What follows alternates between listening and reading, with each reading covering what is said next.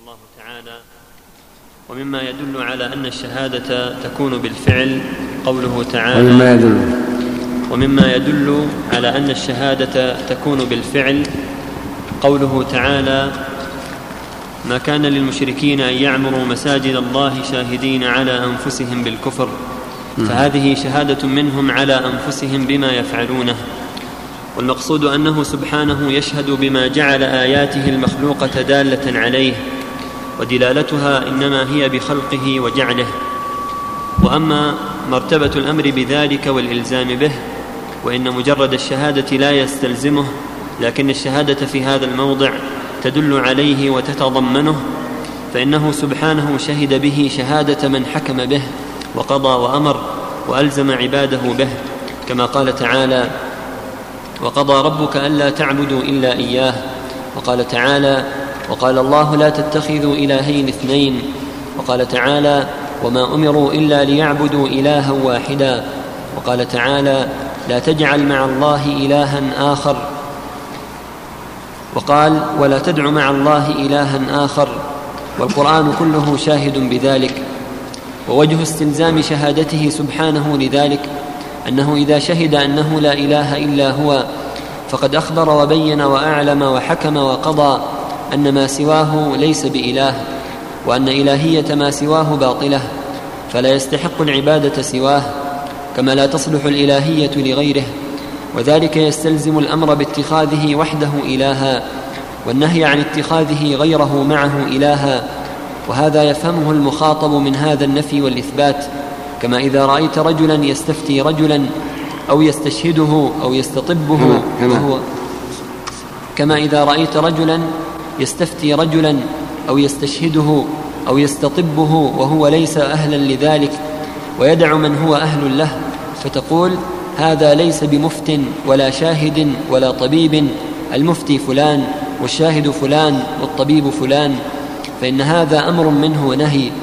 وأيضا فالآية دلت على أنه وحده المستحق للعبادة فإذا أخبر أنه هو وحده المستحق للعبادة تضمن هذا الإخبار أمر العباد وإلزامهم بأداء ما يستحقه الرب تعالى عليهم وأن القيام بذلك هو خالص حقه عليهم. وأيضا فلفظ الحكم والقضاء يستعمل في الجملة الخبرية ويقال للجملة الخبرية قضية وحكم وقد حكم فيها بكذا. وقال تعالى, قال تعالى ألا إنهم من إفكهم ليقولون ولد الله وإنهم لكاذبون. أصطفى البنات على البنين ما لكم كيف تحكمون؟ فجعل هذا الإخبار المجرد منهم حكما وقال تعالى أفنجعل المسلمين كالمجرمين؟ ما لكم كيف تحكمون؟ لكن هذا حكم لا إلزام معه والحكم والقضاء بأنه لا إله إلا هو متضمن للإلزام. ولو كان المراد مجرد شهادة لم يتمكنوا من العلم بها ولم ينتفعوا بها ولم تقم عليهم بها الحجة. بل قد تضمنت البيان للعباد ودلالتهم وتعريفهم بما شهد به كما أن الشاهد من العباد إذا كانت عنده شهادة ولم يبينها بل كتمها لم ينتفع بها أحد ولم تقم بها حجة. وإذا كان لا ينتفع بها إلا ببيانها فهو سبحانه قد بينها غاية البيان بطرق ثلاثة السمع والبصر والعقل. إيش؟ وإذا كان لا ينتفع بها إلا ببيانها فهو سبحانه قد بينها غاية البيان بطرق ثلاثة السمع والبصر والعقل. أما السمع فبسمع آياته المتلوة المبينة لما عرفنا إياه من صفات كماله كلها المبينة لما عرفنا إياه من صفات كماله كلها الوحدانية وغيرها غاية البيان. لا كما يزعم كما يزعمه الجهمية ومن وافقهم من المعتزلة ومعطلة بعض الصفات من دعوى احتمالات توقع في الحيرة تنافي البيان الذي وصف الله به كتابه العزيز ورسوله الكريم كما قال تعالى حاميم والكتاب المبين ألف لام راء تلك آيات الكتاب المبين ألف لام راء تلك آيات الكتاب وقرآن مبين هذا بيان للناس وهدى وموعظة للمتقين. فاعلموا أنما على رسولنا البلاغ المبين وأنزلنا إليك الذكر لتبين للناس ما نزل إليهم ولعلهم يتفكرون. وكذلك السنة تأتي مبينة أو مقررة لما دل عليه القرآن لم يحوجنا ربنا سبحانه وتعالى إلى رأي فلان ولا إلى ذوق فلان ووجده في أصول ديننا. ولهذا نجد من خالف الكتاب والسنة مختلفين مضطربين بل, بل قد قال تعالى اليوم أكملت لكم دينكم وأتممت عليكم نعمتي ورضيت لكم الإسلام دينا. فلا يحتاج في تكميله إلى أمر خارج عن الكتاب والسنة. وإلى هذا المعنى أشار الشيخ أبو جعفر الطحاوي رحمه الله فيما يأتي من كلامه بقوله لا ندخل في ذلك متأولين بآرائنا ولا متوهمين بأهوائنا فإنه ما سلم في دينه إلا من سلم لله عز وجل ولرسوله صلى الله عليه وسلم. وأما آياته العيانية فإن جل وعلا أوضح الأمور لعباده في كتابه العظيم وفيما خلق وفي أنفسهم وأعطاهم الأسماع والأبصار والعقول حتى يفهموا حججه وبيناته. كما قال تعالى والله أخرجكم من بطون أمهاتكم لا تعلمون شيئا وجعل لكم السمع والأبصار والأفئدة لعلكم تشكرون. الافئده القلوب والعقول. فبين بكلامه آياته ودلائل وحدانيته وأنه رب العالمين وأنه الاله الحق. وأرى الناس بأبصارهم ما يشاهدون من آياته من سماء وأرض وبحار وأنهار ونجوم ومخلوقات متنوعة كلها تدل على وجوده وحدانيته. وأعطاهم العقول التي يميزون بها بين الشر والخير والضار والنافع الصحيح والباطل والحق فالعقول حجة عليهم أيضا لأن الله أعطاهم إياها ليفهموا ويعقلوا. لعلكم تعقلون لآيات لقوم يعقلون. والأفئدة هي العقول. ذلكم وصاكم به لعلكم تعقلون لعلكم تذكرون. فالعقول والأسماع والأبصار حجة عليهم. أعطاهم الله بها أعطاهم الله ليعقلوا بها ما يشاهدون وما يسمعون.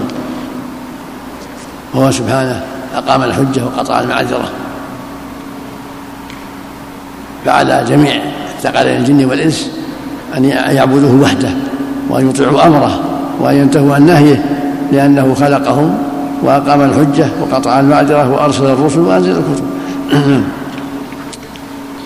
وأما آياته العيانية الخلقية فالنظر فيها والاستدلال بها يدل على ما تدل عليه آياته القولية السمعية والعقل يجمع بين هذه وهذه فيجزم بصحة ما جاءت به الرسل فتتفق شهادة السمع والبصر والعقل والفطرة فهو سبحانه لكمال عدله ورحمته وإحسانه وحكمته ومحبته للعذر وإقامة الحجة لم يبعث نبيا إلا ومعه آية تدل على صدقه فيما أخبر به.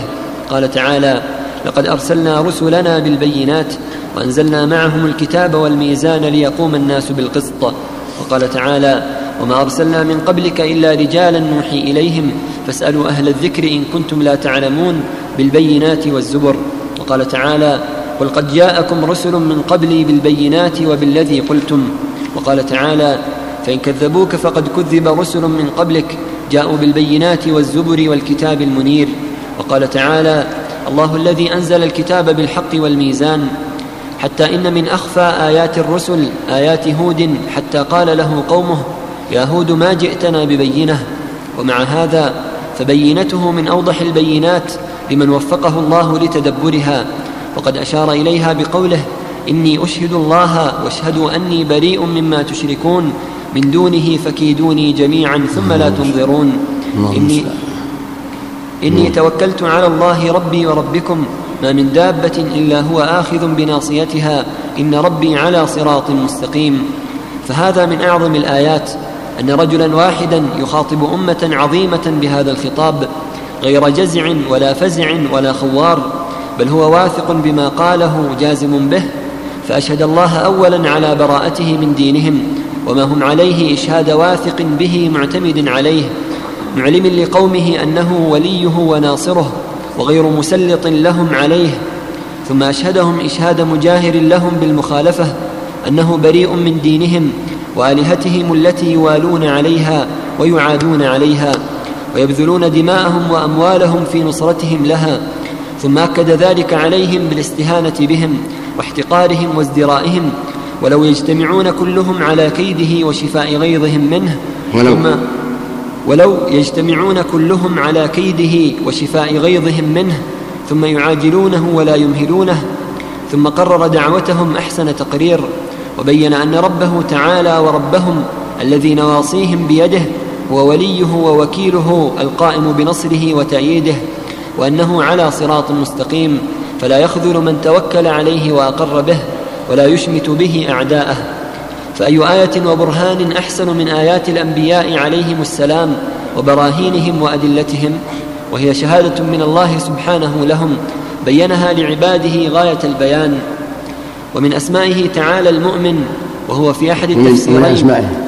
ومن أسمائه تعالى المؤمن وهو في أحد التفسيرين المصدق الذي يصدق الصادقين بما يقيم لهم من شواهد صدقهم. فإنه لا بد أن يري العباد من الآيات الأفقية والنفسية الأفقية والنفسية. ما يبين لهم أن الوحي الذي بلغته رسله حق. قال تعالى سنريهم آياتنا في الآفاق وفي أنفسهم حتى يتبين لهم أنه الحق. هذا معنى المؤمن صدقهم بإقامة الحجج التي أقامها واعترفوا بها وصدقهم. ملك القدوس سلام المؤمن المهيمن. فهو يصدق الصادقين ويبين براءتهم وسلامتهم وصدق أقوالهم وأعمالهم بإقامة الحجج والبينات والدلائل والثناء عليهم. نعم. حتى يتبين لهم أنه الحق أي القرآن فإنه هو المتقدم في قوله قل أرأيتم إن كان من عند الله؟ ثم قال أولم يكف بربك أنه على كل شيء شهيد؟ ما قال جل وعلا هذا يوم ينفع الصادقين صدقهم لهم جنات. ولما ذكر البر قال ولكن البر من آمن الله واليوم والملائكه والكتاب والنبيين واتى ما لا يحبهم قال بعده أولئك من صدقوا وأولئك هم المتقون.